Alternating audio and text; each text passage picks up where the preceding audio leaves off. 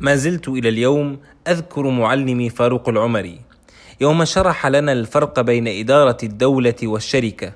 فواجب الدولة توفير عمل لمواطنيها بأجور تضمن الحياة الكريمة فوق خط الفقر الذي تعتمده هي وأن إدارة الدولة وسياساتها لا تخضع لأحكام دفاتر المحاسبين ومنطق المدراء الماليين.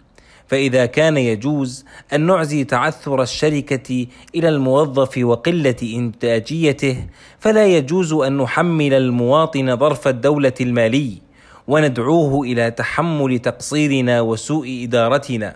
فمن حق المواطن أن يعيش حياة كريمة حرا مطمئنا في بلده.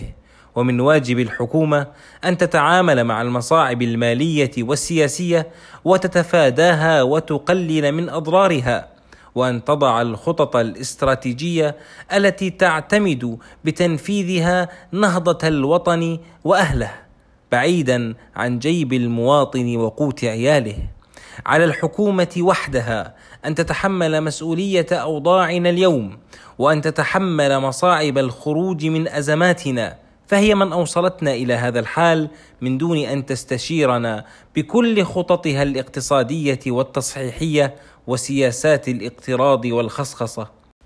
وواجب أي حكومة لا تستطيع ذلك أن تستقيل فورا فلا حاجة لنا بها وليست هي مجبرة على البقاء.